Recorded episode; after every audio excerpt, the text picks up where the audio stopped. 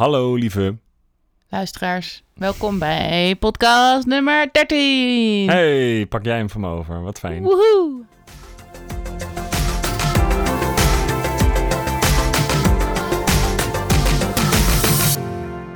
Hallo lieve luisteraars en welkom bij aflevering 13 van Podcast Stel. In deze aflevering gaan we het hebben over het ziekenhuis, het Diakonessenhuis in Utrecht moet ik zeggen. En we spreken met niemand minder dan... John Tax, de directeur van het ziekenhuis. Kijk, Ja, en dat is heel bijzonder, want John die werkt al, nou ja, volgens mij sinds dat hij een baby is in het ziekenhuis, maar in werkelijkheid 40 jaar of zoiets. ja heel lang. En ehm, ja, hij heeft heel veel ervaring in het ziekenhuis. En hij zal, zal gaan eh, vertellen hoe zijn ervaring is eh, geweest met eh, corona de afgelopen maanden. En hoe het ziekenhuis zich door deze crisis heeft heen geslagen. Ja, Dus we gaan even bellen. yes. Prrrt, prrrt, prrrt. Met John? Hey, hallo. Goedemorgen. Hallo, Ste. Hallo. Goedemorgen. Welkom Hoe in de... Ja, goed. Met jou? Goed, uitstekend. Ja, heb je een drukke Ja. tijd? Of is het een beetje eh, normaler aan het worden? Nou, het is weer een beetje normaal aan het worden. Oh. Het is een beetje normaal aan het worden, dus dat gelukkig wel. Dat, dat is fijn.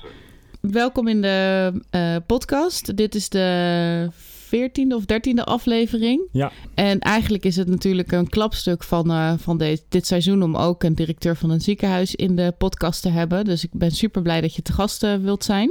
ja. En eh, we hebben. Ja, we hebben natuurlijk eh, ja, veel meegekregen van eh, wat er allemaal aan ruilt en zeilt in het ziekenhuis. En eh, ik begreep in ieder geval dat er nu is afgeschaald qua eh crisissituatie. En ik ben benieuwd hoe de afgelopen tijd voor jou is geweest. Nou ja, ik, ik, ehm, ik ben ondertussen 60 jaar en ik werk zo'n eh, 42 jaar in de ziekenhuizen. Mhm. Ehm, dus mijn zevende ziekenhuis waar ik ondertussen werk. En ik ben begonnen als verpleegkundige. En ik moet zeggen, wat er de afgelopen drie maanden gebeurd is met deze coronacrisis, heb ik echt nog nooit meegemaakt. Ja, Dus eh, de impact van dit ziektebeeld en de enorme verslechtering waarin eh, patiënten, dus eh, burgers, zo snel terecht kunnen komen. Van oppervlakkige klachten, van lichte kortademigheid tot eh, heel extreme ademnood. En dat je mensen echt aan een beademingsmachine moet leggen, in coma moet brengen aan een beademingsmachine moet leggen. ja, Ja, dat zijn echt wel extreme dingen. En in dermate grote getallen en zoveel patiënten. En zoveel angst daaromheen ook. En eh, emoties en zo. Ja, dat heb ik eigenlijk nooit eh, meegemaakt. Dus die impact is werkelijk gigantisch. Vind ik. ja dat eh, kan ik me voorstellen. En- Want heb je zelf ook coronapatiënten gezien? Of hoe werkt dat als je de directeur bent? Hoe, hoe ben je dan ook op de, op de, met patiënten of in de buurt van patiënten? Of zit je op afstand? En is, hoe, hoe ziet jouw werk er dan uit met zo'n Ja, ja, dat is een goede vraag. Ik kan me heel goed voorstellen dat je die vraag hebt. Kijk, wij hadden op een gegeven moment in... eh, we hebben meerdere locaties, Diekeneshuis in Utrecht. Een locatie in Utrecht, Zeist en Doorn. Toen het heel erg werd na de eerste week... hebben we de andere locaties gesloten. En hebben we ons geconcentreerd op de hoofdlocatie in Utrecht. Ja, Daar ben ik eigenlijk heel veel geweest. Meestal 14, 16 uur per dag. En ook heel veel rondgelopen. Dus wat je doet is heel veel verbinding maken... en heel veel zorgen dat zaken goed lopen. ja, Dus ik was ook eh, formeel de voorzitter van het crisisoverleg in ons ziekenhuis. En ook in contact met alle andere ziekenhuizen, huisartsen in de regio. Zo. En wat je dan doet is, ik heb ook meerdere patiënten gezien en ik heb ook met heel veel medewerkers gesproken. Dus ik heb ook echt gezien hoe ontzettend ingewikkeld onze medisch specialisten dit ziektebeeld vonden in het begin. ja, En de verpleegkundigen, omdat we niet goed wisten hoe patiënten reageerden op dingen en wat, ze zouden, wat er zou gebeuren. En ik heb ook heel veel angstige mensen dus gezien, ook patiënten gezien. Mm. Ook op de isolatieafdelingen ben ik geweest, dus maar omgekleed. En helemaal in, in, in, in een pak gewezen. En eh dat heb ik natuurlijk mijn werk wel in het verleden vaker gedaan. mhm, En wat ik ook veel erg indrukwekkend vond, op een gegeven moment werden ook tientallen medewerkers van ons eh, positief getest. Hè. Hebben, Mhm. zich, hebben ook een besmetting opgelopen in het ziekenhuis of ergens anders, ook medisch specialisten. En die kreeg ik ook aan de telefoon, die heb ik ook gebeld toen ze thuis waren. En die waren ook erg angstig en, en benauwd en hadden heel veel problemen. mm, Dus in die zin heb ik wel veel contacten gehad en heb ik heel veel informatie meegekregen en geprobeerd te ondersteunen en support te bieden waar het kan. Dus dat is eigenlijk het belangrijkste wat je dan moet doen. eh. ja. Mhm. En, en wat zo'n zo'n crisis begint, hebben jullie dan een soort protocol wat je volgt? Of was dit een totaal nieuwe situatie? Of was er wel een protocol, maar hè, kom je daar niet mee uit omdat het zo extreem is? Ja, we hebben inderdaad meerdere crisisprotocollen. Kijk, die oefenen wij ook ieder jaar. Kijk, hier, nu hebben we het over een virus. Maar zoals je je kunt herinneren, hadden we een ruim jaar geleden ook het tram-incident in. Utrecht. En toen zijn er hier ook een paar slachtoffers binnengebracht. Rondom dat schietincident bij die tram, bij die tram. En eh, wij zijn ook altijd voorbereid op grote ongelukken in de snelwegen rondom Utrecht heen. Mhm. Dus of een, of een chemische fabriek, of dat er ergens brand uitbreekt. Dus wij oefenen al die scenario's. Dus we hebben ook een keer een trooioefening, heet dat, gehad. Anderhalf jaar geleden hebben we geoefend rondom een virus, serieus. Ja, Dus we hebben een oefening erover gehad. Alleen het was nu extremer en in veel erger mate dan wij geoefend hebben. Dus we hebben al die protocollen, richtlijnen hebben we wel. Die hebben we trouwens flink aan moeten passen. Hmm. Ehm, en dat gaan we nu weer doen. Eh, dus we hebben nu een hele evaluatie gehouden over die crisis. Mm. En we hebben nu de protocollen weer aangepast. En onze medewerkers zijn heel goed getraind in crisissen en hoe we dat met elkaar doen. Dus dat, dat, dat gaat als ziekenhuis eigenlijk wel heel sterk in. Eh, onze medewerkers zijn er heel goed bedreven in om dat vakmatig goed te doen. Ja, want heb jij zelf persoonlijk in die periode dat het zo aan het pieken was, eh, hoe, want je zegt nee, ik werkte soms wel 16 uur op een dag en dan ga je naar huis en ga je slapen. Lig je dan nog te dromen daarover? Heb je nachtmerries? Heb je rampscenario's in je hoofd? Of is het voor jou dan toch nog een soort van werk wat je kan afsluiten? Of hoe, hoe was het voor jou persoonlijk in die periode? Nou, het is heel moeilijk om je af te sluiten. Ik kom uit Brabant. Ik woon in Oosterhout bij Breda. Ja, Dus Mhm. bij de eerste dag al werd gezegd: John, jij komt uit Brabant. Jij bent eigenlijk ook eh, misschien wel besmet. ja, Je hebt, misschien, eh, je, hebt, je hebt ook carnaval gevierd. Dus jij bent zelf ook een risico. ja, Dus zo, dat werd ook door, mij- door mensen hier in huis ook tegen mij gezegd. En dat is er gelijk in. Dus ik ben de eerste drie weken ook gewoon in Utrecht gebleven, in een hotel geweest. ja, Ja, na twee, drie weken gingen de hotels dicht in Utrecht. heb je denk ik ook wel gezien. Dus de hotels gingen dicht. Kreeg ik ook een probleem om ergens te blijven. Dus ik ben ook hier gebleven. Om allerlei contacten te vermijden. mm, mijn contacten werden privé gewoon echt de hiel. God voor veel mensen, maar voor mij ook. ja, Nou ja, waar wij het bangste voor waren, eh, wat nu sinds gisteren weer in het nieuws is. gisteren is ook een, een soort landelijke richtlijn gepresenteerd door de medisch specialisten. Wat doen we als we de zorg niet aankunnen? Hoe doen we dan triage? Hoe kiezen we dan wie we wel of niet behandelen? ja, Ja. Wij waren op een gegeven moment heel erg benauwd. Daar zaten we heel dicht tegenaan. We hadden af en toe geen intensive care bed. Of maar één intensive care bed in mijn ziekenhuis. ja, Dus we zaten heel dicht bij het scenario dat wij keuzes moesten maken, dat we niet iedereen konden helpen. En Ja. daar waren wij heel erg angstig voor, eh, Ja. onze dokters ook. ja, Eh, op een gegeven moment waren de ambulances uit de regio weggereden om patiënten uit Brabant op te halen. En dan hadden we ook te weinig ambulances in de regio. Ja. Dus dat waren hele spannende momenten. Nou, dat kan. En een, en een ander spannend moment vind ik zelf wel. Ik heb ook wel echt de, de bezorgdheid van onze medewerkers gezien voor hun eigen besmetting. En de risico's die ze zelf dan liepen om hun eigen gezin of hun eigen privé weer te besmetten. Ja, Kijk, en mensen willen heel erg graag voor andere patiënten zorgen in een ziekenhuis. ja, Maar zijn zelf ook bezorgd over hun eigen gezondheid. Dat begrijp ik ook heel goed. ja, En ik kon dat niet allemaal wegnemen. Wij hadden wel genoeg beschermingsmiddelen. Tegenstelling tot de verpleeghuizen. Hè. ja, Wij hadden echt wel genoeg spullen en materialen. Maar dan nog, eh, hoe secuur en netjes hygiënisch je ook werkt, je kunt altijd besmet raken. ja. Dus dat risico hadden onze mensen heel erg. En daar heb ik wel wat wakker van gelegen. Dat vond ik wel heel zorgelijk. Ja, dit, dit is eigenlijk ook een beetje de vraag van Shalindra Dekkers. Die was vorige week te gast. Zij is officier van justitie, of plaatsvervangend officier van justitie moet ik zeggen. En zij vroeg zich ook af van hoe het eh, voor jou en jouw collega's was om in het ziekenhuis te werken. Wetende dat je dus al die risico's loopt. Hè, ondanks alle beschermingsmiddelen, dat kan, het kan gewoon misgaan. En ja, ik kan me voorstellen dat dat dat zeker naar jou wordt gekeken van... Is, ben ik wel veilig hier in, in dit werk? En dat als je dan toch de boodschap moet verkopen van... ja, tot op zekere hoogte doen we alles wat we kunnen... maar echt veiligheid kan je gewoon niet garanderen aan je eigen personeel. Het lijkt me een hele ingewikkelde, het heel ingewikkeld spanningsveld. Nou ja, dat zie je denk ik heel goed. en je moet eerlijk zijn over dat spanningsveld. Dus we hebben daar eerlijk het gesprek over gevoerd. Hè? Ja. Dat wij ook niet 100% eh, garantie kunnen geven. Jullie hebben denk ik ook gehoord en meegemaakt of gezien. Als je nu iemand test, dan kan hij alsnog positief zijn. Hè? Kan hij alsnog, als je vandaag iemand test, dan kan alsnog iemand op, over een paar dagen wel positief blijken te zijn. Ja. Ja. Dus ondanks alles wat je doet, hoeft dat helemaal niet betrouwbaar te zijn. Ja. Op een gegeven moment viel natuurlijk ook minister Bruins om. Hè? Die werd Ja. onwel in de Tweede Kamer. Collega-bestuurders van ziekenhuizen zijn ziek geworden. Ik ben niet ziek geweest. Ja. Mijn collega ook niet. Maar mijn vrouw en ook alle mensen in mijn privé, maar ook in mijn werk, maken zich wel zorgen. Ja. Ook mijn raad van toezicht Ja. blijft John wel overeind. Ja. En kan hij dat ziekenhuis wel blijven leiden. En Ja. ik ben hier heel veel geweest, ook als voorbeeldgedrag. Ik vind ook dat je aanwezig moet blijven. Ook als het spannend wordt. De kapitein moet op het schip blijven. Ja.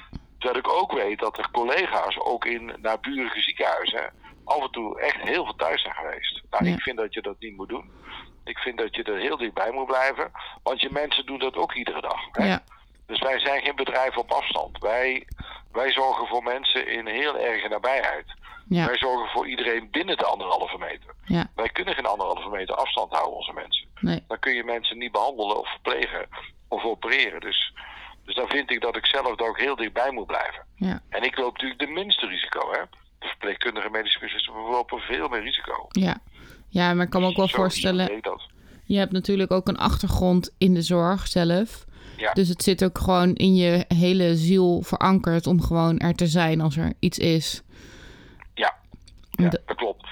En, en na vier, vijf weken was ik dus een dagje thuis. En toen voelde ik me schuldig dat ik Ja. er niet was. Ja, Hè, dus dat, dus dat krijg je ook nog. Op het moment dat je er niet bent en er op afstand gebeuren dan dingen.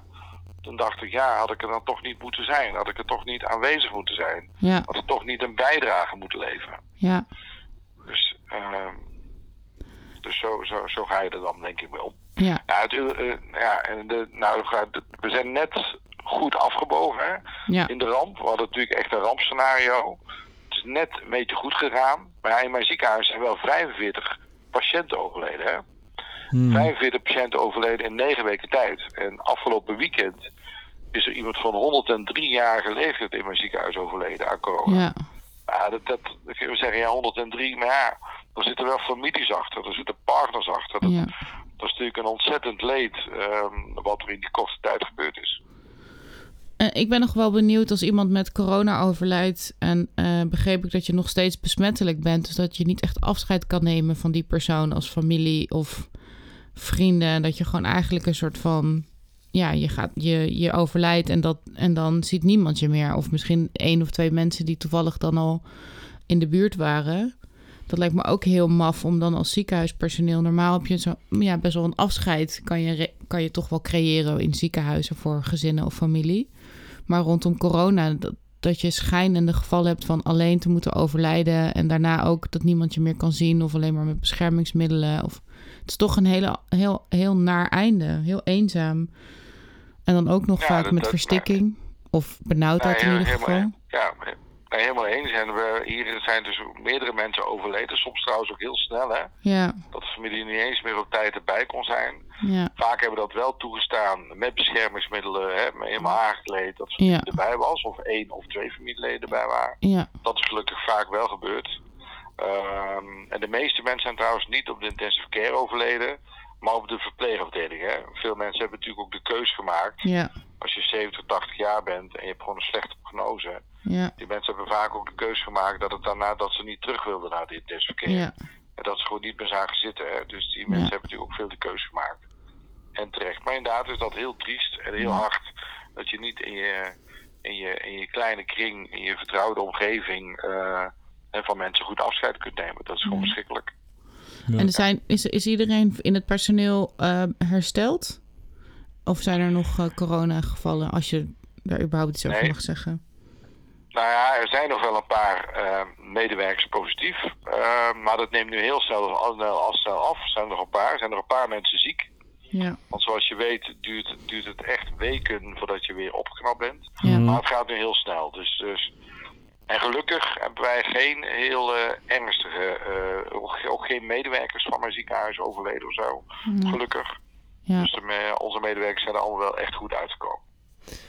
Ik was nog wel benieuwd. Ehm, je hebt het net al een beetje gezegd. eh, dat je de protocollen en dergelijke hebt aangepast.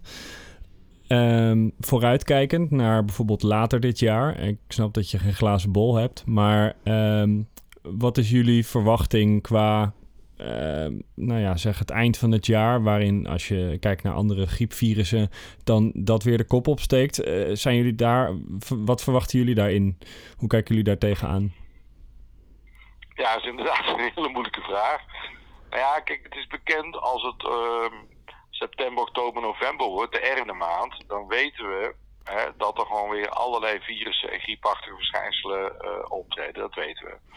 Wat we ook zien is, dat is ook wel bijzonder, de laatste maanden zien we veel minder mensen met andere virussen. Ja. Of bijvoorbeeld veel minder mensen met diarreeklachten. Dus wat blijkt, omdat de hygiëne van al onze burgers is toegenomen, ja. veel meer handen wassen, veel meer afstanden, geen handcontact meer, is de persoonlijke hygiëne van mensen ontzettend verbeterd. Dus we zien veel minder andere ziektebeelden. Dat is ook een winst. Hè? Ja. Uh, de, ja, de, de, de kilte daarvan is veel meer afstand tussen mensen. Hè? Met alle dingen die we net al zeiden. Dat is de andere kant. Wij maken ons klaar nu voor de tweede golf. Hè? Ja. En kunnen wij die tweede golf aan? Waar wij de meeste zorgen over hebben, als we weer een ernstige tweede golf krijgen, die misschien ernstiger is dan de eerste, dat wij weer heel veel patiënten niet kunnen helpen die wel zorg nodig hebben. Ja. Afgelopen maanden hebben wij ook heel veel mensen niet geholpen die zorg nodig hebben. We hebben patiënten op de spoedeisende hulp gezien de afgelopen weken. Die hebben de afgelopen maanden hartinfarct doorgemaakt. Of die hebben een longembolie doorgemaakt. Of die hebben ernstige ziektes doorgemaakt. Of die hebben kanker gekregen en dat te laat is vastgesteld. Mm. Dus wij, wij, wij richten ook veel schade aan omdat het ziekenhuis niet goed zijn werk kan doen omdat je voor de coronapatiënten moet zorgen. Daarmee zeg ik niet dat je niet voor de patiënten moet zorgen.